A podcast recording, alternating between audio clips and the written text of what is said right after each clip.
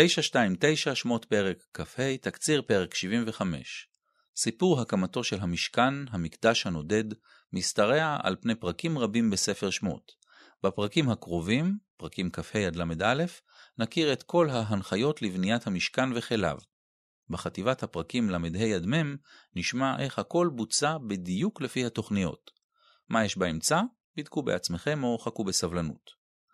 בשביל מה? פסוק ח' מנסח את התובנה שעומדת מאחורי המיזם. ועשו לי מקדש ושכנתי בתוכם. שימו לב להדגשה בתוכם, בתוך העם ולא בתוך האוהל. אז איך מקימים משכן? ברצון ובתרומה. הצו על הקמת המשכן קורא להתנדבות בכל הקשור לגיוס המשאבים. דבר אל בני ישראל, ויקחו לי תרומה מאת כל איש אשר ידבנו ליבו. פסוק ב' מה לתרום? רשימת המתנות המבוקשת מפורסמת בפסוקים ג' עד ז'. תבנית אלוהית, התכנון האדריכלי כולל המפרט הטכני, עיצוב הפנים ואפילו אביזרי האופנה, ה accessories, יימסר למשה ישירות מאלוהים.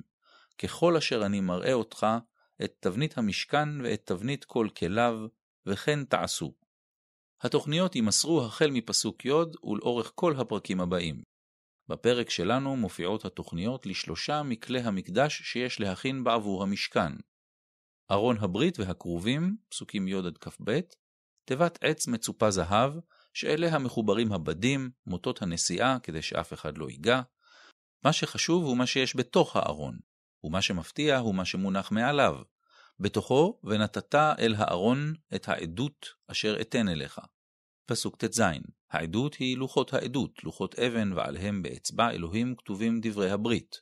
מעליו שניים כרובים זהב, פסוק י"ח, פסלי חיות קודש מחונפות עשויות זהב. השולחן וכליו, פסוקים כ"ג עד ל', גם כאן חומרי הגלם הם עץ שיטה בציפוי זהב. על השולחן יוצג דרך קבע לחם, ונתת על השולחן לחם פנים לפני תמיד. פסוק ל'. המנורה, פסוקים ל"א עד ל"ט, עשויה זהב כולה מקשה, כלומר גוש אחד, בעבורה נמסרת תוכנית עיצוב וקישוט מפורטת ביותר, למשל כך צריכים להיראות גביעי השמן. שלושה גביעים משוקדים בקנה האחד, כפתור ופרח ושלושה גביעים משוקדים בקנה האחד, כפתור ופרח. פסוק ל"ג למה כדאי לשים לב בפרק? אחת, שפע צבעים ומרקמים. ראו את הרשימה בפסוקים ג' עד ז', רשימה שמדגדגת באצבעות לכל אומן.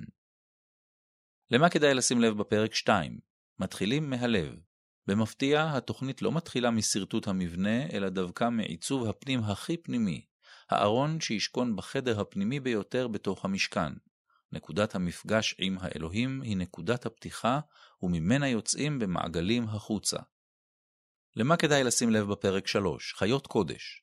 הנוכחות של הכרובים במקום הקדוש ביותר זכתה לפירושים מסוגים שונים, שווה עיון.